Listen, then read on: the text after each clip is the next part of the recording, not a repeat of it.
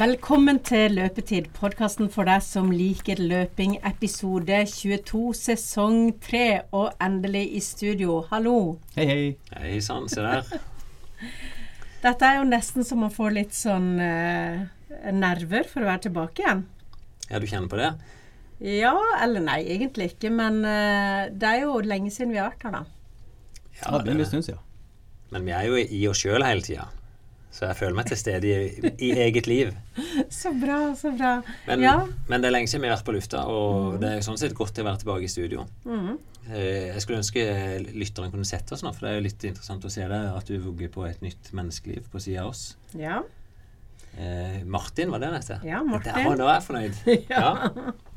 Ja, så dette ble en Martin Milan Bjelland. Gratulerer, Så- eh, Anna. Tusen takk. Og det er jo én av grunnene til at eh, det har eh, skrangla litt i denne episode tre fra august, i hvert fall. Ja da, det, det kan være mange grunner til det. Ja. Eh, og det ene var jo Vi avslutta vel før stadionmila. Vi hadde oppsummering med Canova, foredrag der, og så. Ja. gikk vi inn i stadionmila. Jeg hadde jo òg dette Dirty Girls. Mm. Um, du hadde ikke muligheten til å være med sjøl, for da var du og feira deg sjøl. Ja. Du hadde bursdag. Du ble 52 år, var det ikke det? Du ble 40. Jeg ble 40. Og, og det, den bursdagsgaven som du fikk av Kjartan Kjartan er jo fotograf, og den Mhm. Min far er jo fotograf, så de to jobber sammen i avis. Han er vel den som har vært lengst ansatt i Fedrelandsvennen? Ja, Ja, han ble ansatt som 19-åring. Så, eh, så det er jo ikke fordi han er så himla gammel, men fordi han begynte så tidlig. stemmer.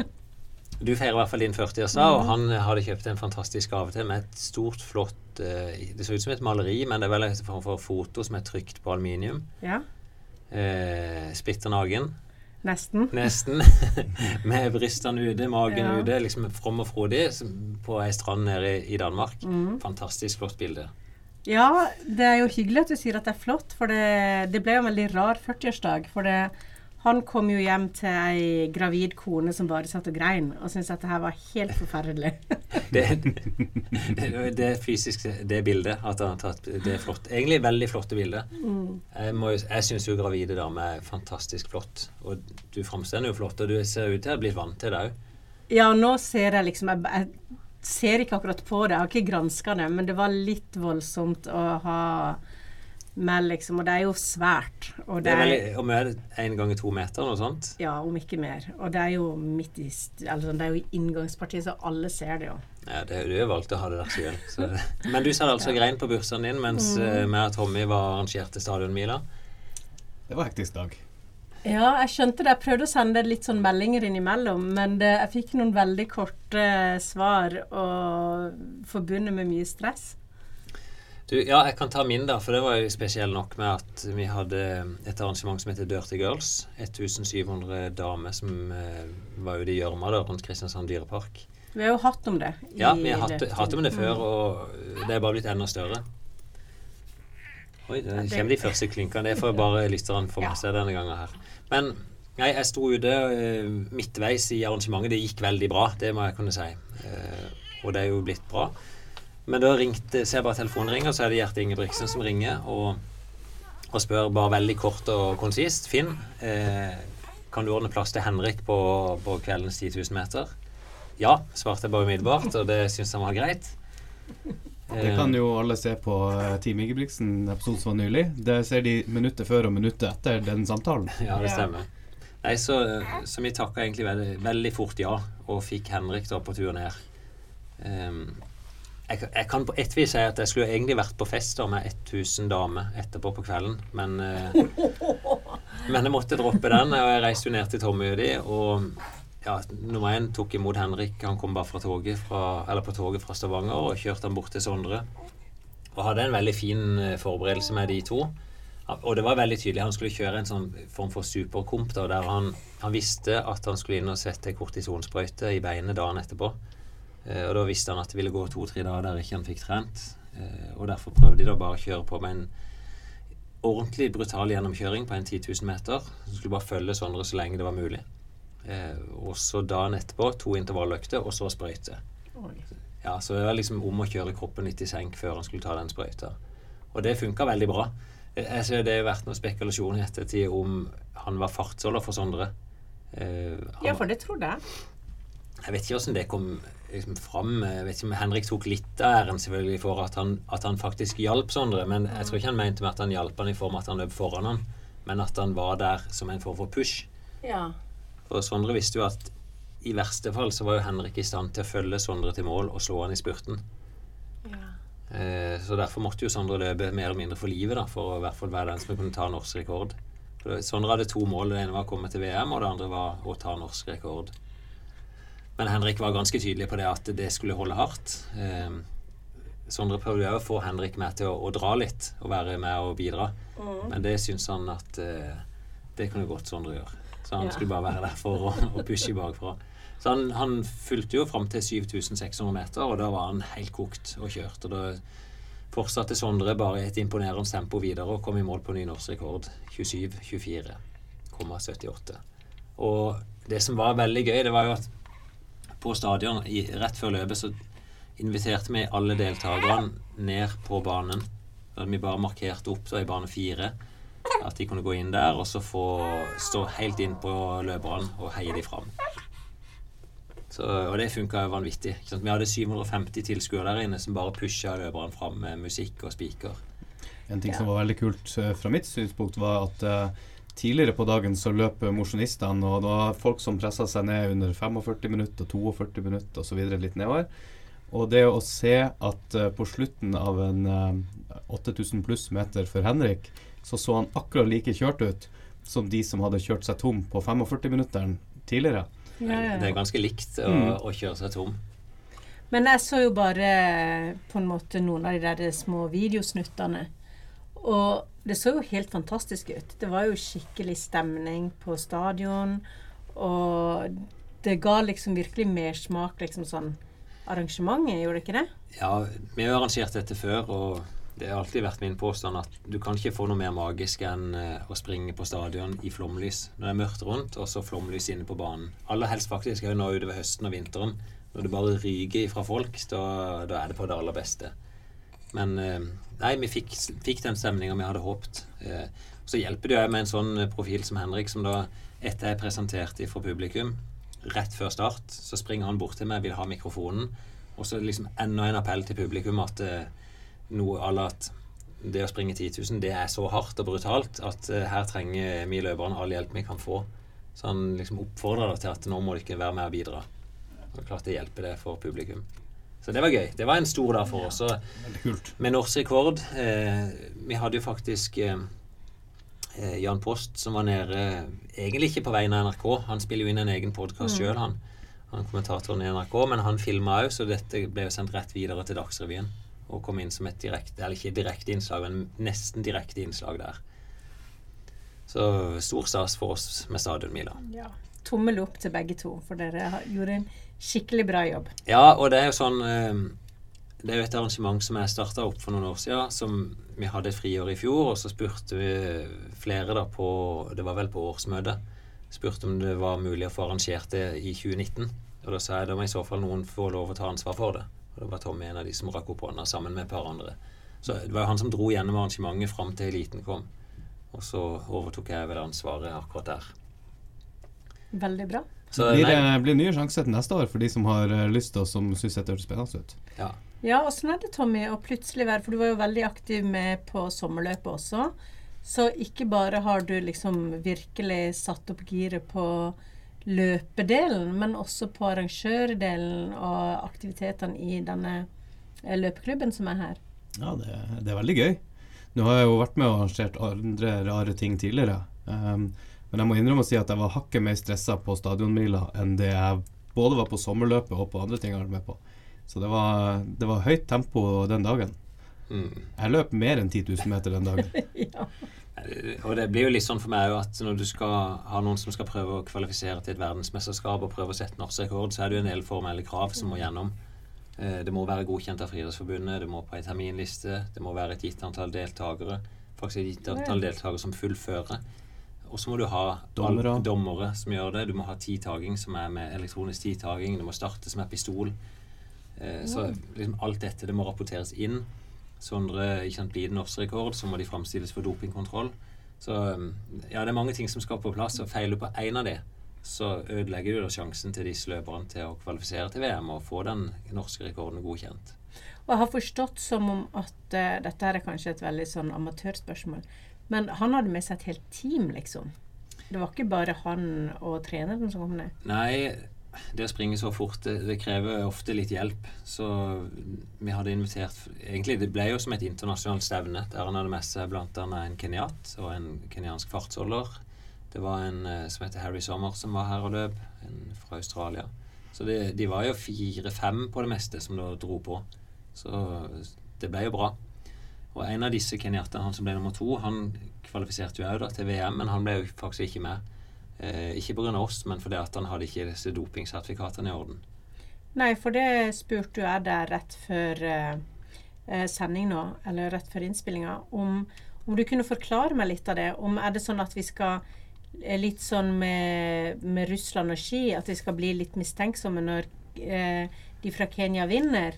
Eller er det Jeg har ikke lyst til det. Det som er verdt det, det er verdt en del dopingsaker fra kenyanske løpere. Så de er satt på ei liste internasjonalt som sier at alle utøvere som skal til et mesterskap, de må testes så og så mange ganger i forkant. Mm. Det betyr ikke at utøverne har gjort noe galt, for de kan ikke alltid velge sjøl når de blir testa. Men det kenyanske forbundet må gjøre en jobb og sørge for at de utøverne som er aktuelle for mesterskap, faktisk blir testa. Mm. Jeg vet ikke om det er to eller tre ganger de må testes i løpet av en sesong. Men da han Albert Rupp, som han heter, som var nede hos oss, mm. han hadde ikke blitt testa nok, så han fikk da ikke representere Kenya i VM. Nei. Men hva tenker du om det? Er det et problem i Kenya med doping, med ønske om å på en måte representere Kenya internasjonalt, sånn at uh, de kan ta noen ja. snarveier? Eller er det rett og slett et sånn et misforstått bilde man får av nyhetene? Jeg syns jo det er et veldig vanskelig spørsmål. Jeg har vært i Kenya et par ganger sjøl sånn personlig så mistenker ikke jeg de beste løperne i Kenya for å være dopa. Men vi ser nok det at for de nest beste som vil ha en kjappere vei til toppen, så kan det være fristende. At oppsida av disse er så stor, og, og nedsida er så liten. Mm. Så da er jo tydelig at noen av de har latt seg friste til å ta den snarveien. Da var jo, Vi har ikke sendt en del av foredraget til Kanova der han fikk eh, spørsmål fra salen, men han var jo veldig engasjert i dette. Og han mener jo rett og slett at doping virker ikke på de aller beste løperne. Nei.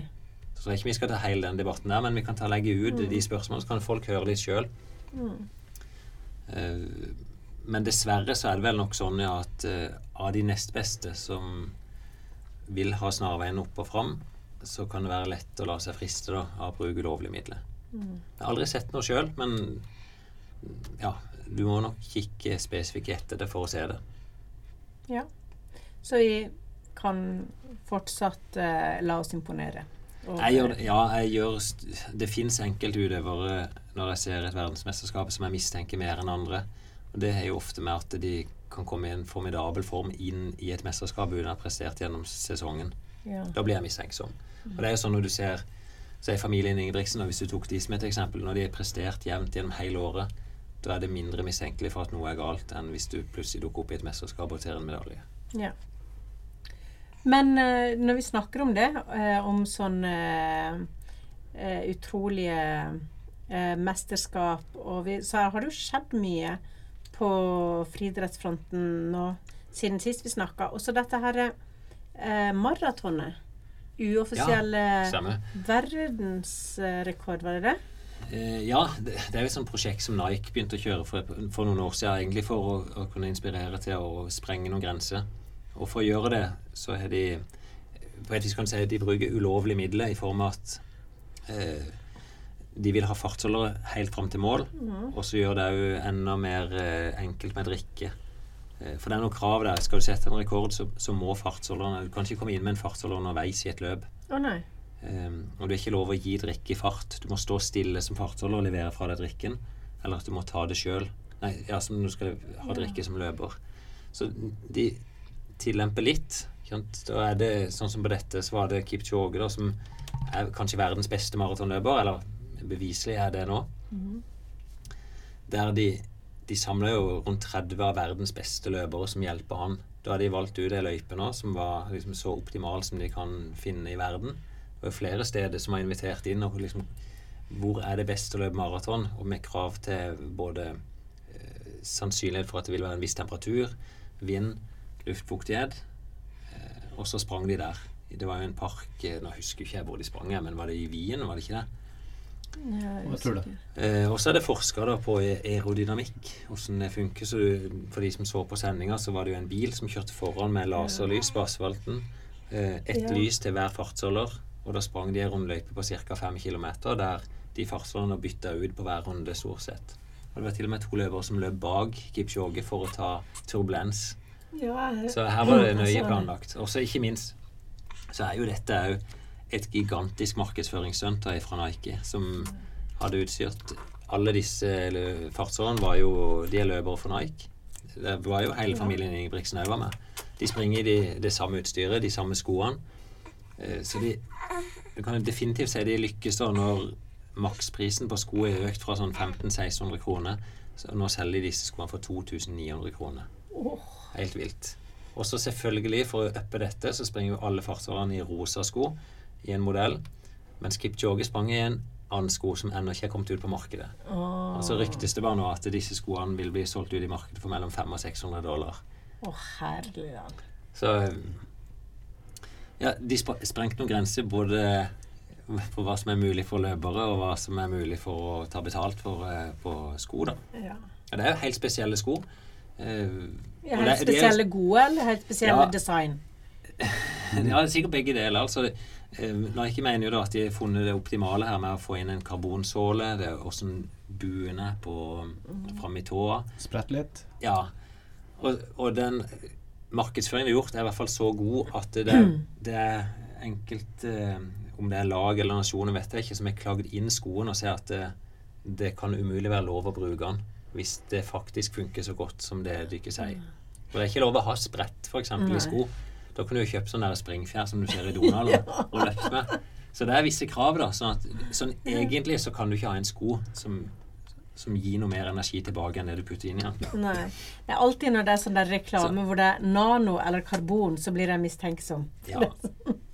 Men, men jeg har jo prøvd de skoene, og det, det er mange oh, ja. som springer på de. Jeg er kjempefornøyd med de. Og så er nok jeg litt der òg at hvis du tror du får noe som er supert, så kan det virke litt positivt for deg Ja. sjøl òg. Litt som placeboeffekt, nesten. Ja. Så er det jo spørsmålet, hvis du tar en på mitt nivå, har det noe å si? Vi vet ikke. Så, men det er i hvert fall god markedsføring. Og når Kipchoge da sprang på et, eh, et 59 på maraton, altså springer maraton 4,2 mil raskere enn 21 km i timen Det er 2 minutter 50 på hver kilometer. Eh, hver 200 meter er på 35 sekunder. Det er så fort. Det er bare å prøve å springe en runde på stadion og prøve å springe på 70 sekunder. Det er fort. Ja. Altså, jeg tror De fleste vil oppfatte det som full sprint. og Bare her i Kristiansand så er det jo nesten bare sånn en håndfull mennesker som kan springe en kilometer i den farta. ja, hvor er det For å gjøre det for de som er liksom på mitt nivå, hva må du sette tredemølla på for det løper så fort? Ja, det er 21 km i timen. Ja. Så du må sette den på 21. Ja. Først, første steg er å finne noen som har et tredemølle som går over 20. Ja, Ja. ja de, de fleste, fleste Ja. stopper jo på 20. Og ikke nok med at du må sette den på det, men du må jo sette stigning, for det at i den farta så får du en del luftmotstand. ja. Så hvis det skal være reelt, så må du kanskje opp imot 2% stigning på mølla i tillegg. Å. Så, men jeg tror de fleste kan nøye seg med å prøve flat mølle, 21 km i timen, og så videre. Han springer enda litt fortere enn det. Og så først se på før man hopper på. Ja. For det, det går fort. Nei, det, det er fantastisk og veldig god inspirasjon. Vi vil nok se nå i løpet av noen få år at de springer på de tidene i et vanlig maraton som er godkjent. Det, Hvorfor det? det er ofte sånn når grensa er sprengt, så er det sånn OK, det var mulig. Ja, men da, da kommer det et ras. Ja. Det så vi jo på 60-tallet, så var det jo et veldig jag om å klare fire minutter på en mile. Altså 1609 meter. Eh, og når først Roger Bannister gjorde det så Jeg husker ikke nøyaktig antall, men det var jo et ras etterpå av folk som sprang under. Men fram til noen har kryssa, så er det av en eller annen grunn mentalt vanskelig å klare det. Sånn er det når grenser skal sprenges. Ja, og når du snakker om mile, for det, det er jo sånn det er å løpe en mile, hvor, hvorfor er det en greie? Ja, det er jo et, etter britisk målestandard. da. Der bruker de miles og ikke meter. Men hvorfor har det blitt en greie i løping? Eh, nei, det er vel bare fordi at eh, Storbritannia har jo vært en stor nasjon og fått liksom ha den distansen. Det er fire runder rundt en bane. Mer eller mindre, da. Det er fire runder pluss 9,32 meter. Ja, for det er det. Det er liksom Ja. Jeg syns det, det virker litt rart. Jeg måtte til og med slå opp på Wikipedia for å skjønne litt morsom ting. Jeg persa på mile i går på trening. Ja. Ja, en mile. Eh, 6 minutter og 57 sekunder. Ja, det, du kan jo ha alle mulige distanser her. Det finnes 100 yards òg, ikke sant? De konkurrerer på det. Okay. Eh, Det er jo 91 meter. Så ja For oss er jo det metriske systemet mer logisk Ja. enn eh, Mile bruker de i hvert fall fortsatt. Og det er jo ikke så ofte de springer det. Det er jo ikke en mesterskapsdistanse. Nei. Det vil si at du vil alltid bare se det i, i noen Diamond Leagues og noen få stevner, men aldri et mesterskap. Nei. Nei. Men eh, Tommy, Ja. vi har jo på Rosa sløyfe så fortalte du litt åssen det hadde gått med disse målene du hadde satt deg. Ja. Og nå har du jo fått det litt sånn på avstand. Eh, føler du det i løps... eh, jeg med, da jeg snakka med deg da, så gjorde alt vondt, husker jeg at du sa. ja, da var jeg, da var jeg sliten. Og rett etter målgang. Ja, ja altså, var- jeg var sliten etter det løpet, eh, Ja. men jeg var også ganske sliten etter sesongen. Eh, Nå har jeg hatt ja, jeg vet ikke, en god måned hvor jeg nesten ikke har løpt i det hele tatt, Okay. eh, føler jeg. Og så har jeg begynt å trene igjen og begynt å sette meg litt mål for neste år. Så det um, Du må nå- ikke røpe, ikke nei, røpe Nei, jeg skal ikke si noen ting. Men jeg begynte å sette meg mål. Eh, og um, det blir, det, blir ikke noe, det blir ikke noe mindre løping framover, for å si det sånn. Jeg er ikke, jeg er ikke skremt vekk ifra dette. Tvert imot. Nei, det er bra. Det var jo sånn, når du satte de målene, så var det ikke sånn at det var kjempemange som sto og applauderte og heide på deg og tenkte at dette kommer til å gå. De fleste sa vel motsatt, at uh, dette er vel håret til Tommy. Ja jeg Det var, trodde at det kom til å gå. det, var, det var noen som var veldig positive, og som, eh, som kanskje prøvde å gi meg litt placeboeffekt også. Em, og så var det en del som sa at det går ikke. Mm. Eh, Nå fikk de rett, uh, sånn sett. Um, men, uh, men jeg angrer ikke på at jeg prøvde. Nei, det, det kan du umulig ha gjort. For er i hvert fall sånn fra sidelinja så må du ha hatt fantastisk mange gøye opplevelser på veien. Og, Ja. og du er jo definitivt, hvis, hvis vi snakker om å finne løpsgleden, da. Jeg husker jo når du var med på de første øktene, de første 50 øktene kanskje, så var det jo med 100 innsats og maks vondt på hver økt. Mm. Eh, nå kommer du på trening. Du leder jo veldig mange av øktene òg nå. Eh, smiler når du kommer, smiler når du er ferdig. Ja. Det, altså, det, er, det, det er en helt annen belastning å gå på trening nå enn det var før. Men det er jo fordi at jeg har justert hvordan jeg utfører økta. Ja, Mm. ja. ja det, og så klarte du ikke tidsmålet ditt. Eh, jeg vet ikke om vi skal gå liksom, veldig i dybden, for vi, vi er jo litt undrende òg til eh, hvorfor gikk det ikke. Kanskje det vi snakka om sjøl, var at det gikk opp for oss litt for seint. At du lå litt langt bak. Og da hva du skal, at Joakim da skrudde volumet på maks pluss én. Eh, økte mengden, og kanskje at det ble mer enn det du tålte. Ja, det, det er vanskelig å vite, men, men Ja. det, føl, det føltes jo litt sånn der og da når jeg gikk i mål, at kanskje det var sånn. Men, men da er jo alt vondt og slitsomt. Um, og så en ting som jeg ikke tok høyde for i det hele tatt, det var at det er ganske mye stigning i det løpet. Det er 180 høydemeter som skal gjøres. Um, Ja. Og da hvis, hvis, du, eh, ja, hvis du sier at jeg skulle bruke 4,48 per kilometer, og så eh, hvis du tar eh, disse ultraløperne sin regnemetode og sier at for hver 100 høydemeter så har du en kilometer ekstra, så var jeg jo godt inn under, hvis jeg skal trekke det fra sånn. Hvis jeg skal være kreativ i utregninga. Men det kan man jo ikke være. Nei det var Men, men det vi kan vite, det er at beina mine tålte ikke å løpe opp til, til Vigelandsparken og tilbake igjen. Så når jeg kom ned til Aker Brygge, så var lårene mine helt kjørt. mm. Og det, Nei. og det, det pleide ikke å være på en 20 km løpetur. Nei, jeg var litt overrasket over det sjøl, at du, du begynte å få det såpass tidlig. Du var vel etter 11-12 km, men jeg så at kilometerfarta begynte å dale. Mm. Og da sprang du egentlig veldig flatt. Eh, og selvfølgelig når du skal opp igjen til Sankthanshaugen, så er det jo en tøff jobb foran deg. Mm. Men det er jo sånn, eh, i hvert fall i mine øyne, Tommy, så er det jo gjennom hele sesongen så har du blitt bedre og bedre. Mm. Ja, ja. Så om akkurat det ble 1,40 eller om det ble 1,45, var det ikke det? Var det 47 du sprang på? Jeg sprang eh, 1.47,15. Så er det full applaus. Du kan få en applaus her, sånn. Takk, takk. Og det nye målet Du sa må ikke si de målene. Eh, Nei. Var det noen grunn til det? Nei, Gjør det spennende til begynnelsen av sesong fire, tenkte Ja, sånn, ja. ja, men det er greit. Ja. Ja. For det, vi må jo liksom skape litt spenning. Og eh, vi skal jo eh, ha en sesong fire. Ja, det er spennende nok for folk å vite i seg sjøl. ja. Men en ting som vi snakka om i stad også, som vi skal gjøre, det er å avslutte denne sesongen med å teste meg. Ja. Og se om Vi gjorde jo en test i begynnelsen av sesongen på ei mølle, og det var vondt og alt sånt. Og det hadde jo vært litt kult å teste nå om hvor mye forbedring det er ja. Eller vi kan snu det og tenke at vi begynner nå neste sesong. med en ny test. Oppkjøringa. For det, at det vi kan røpe, er at vi skal følge Tommy et år til. Ja. Liksom Vi har tatt den ifra egentlig sofagris og så opp på et veldig vil si, brukbart nivå. Og så ligger det jo noen tanker her om at du skal flytte deg videre, uten at vi trenger å si hva de skal være nå. Men at vi kan begynne den sesongen med en test. Så vi, vi, skal vi snakke litt om hvordan vi tenker nå mot neste sesong? Nei. Nei. Det skal vi ikke. Nei. Hun er så hemmelighetsfull. Nei, jeg tenker at det er gøy også å ha første episode. For vi skal jo ikke begynne sesong fire i januar, som vi pleier.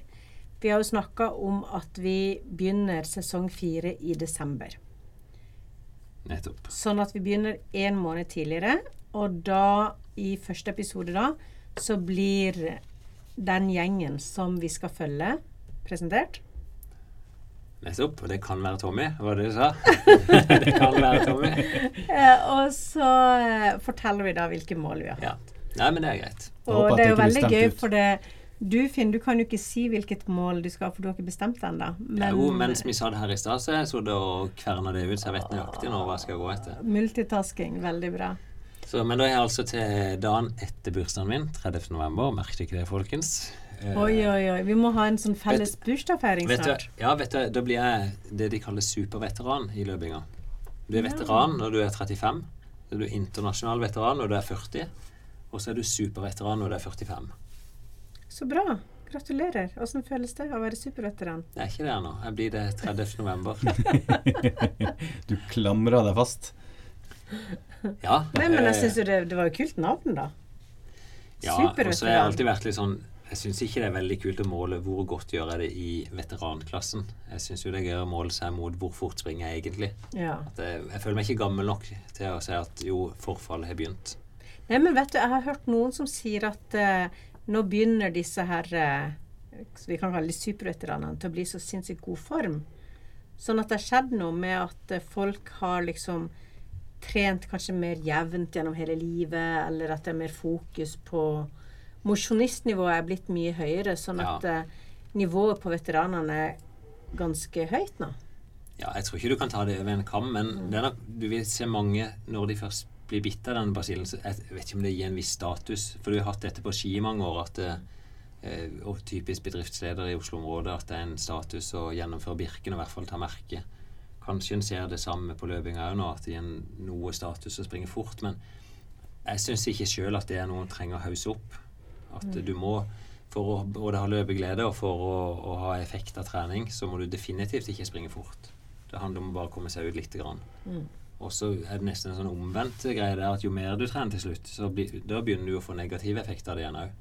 Ja, det har vi jo snakka litt om også. Ja. Eh, vi vet jo også at vi har fått en del lytterspørsmål. Ja. Og vi skal svare på det, men det tar vi også i begynnelsen av sesong ja, kan vi ikke det? Begynne i oppstarten der? Ja.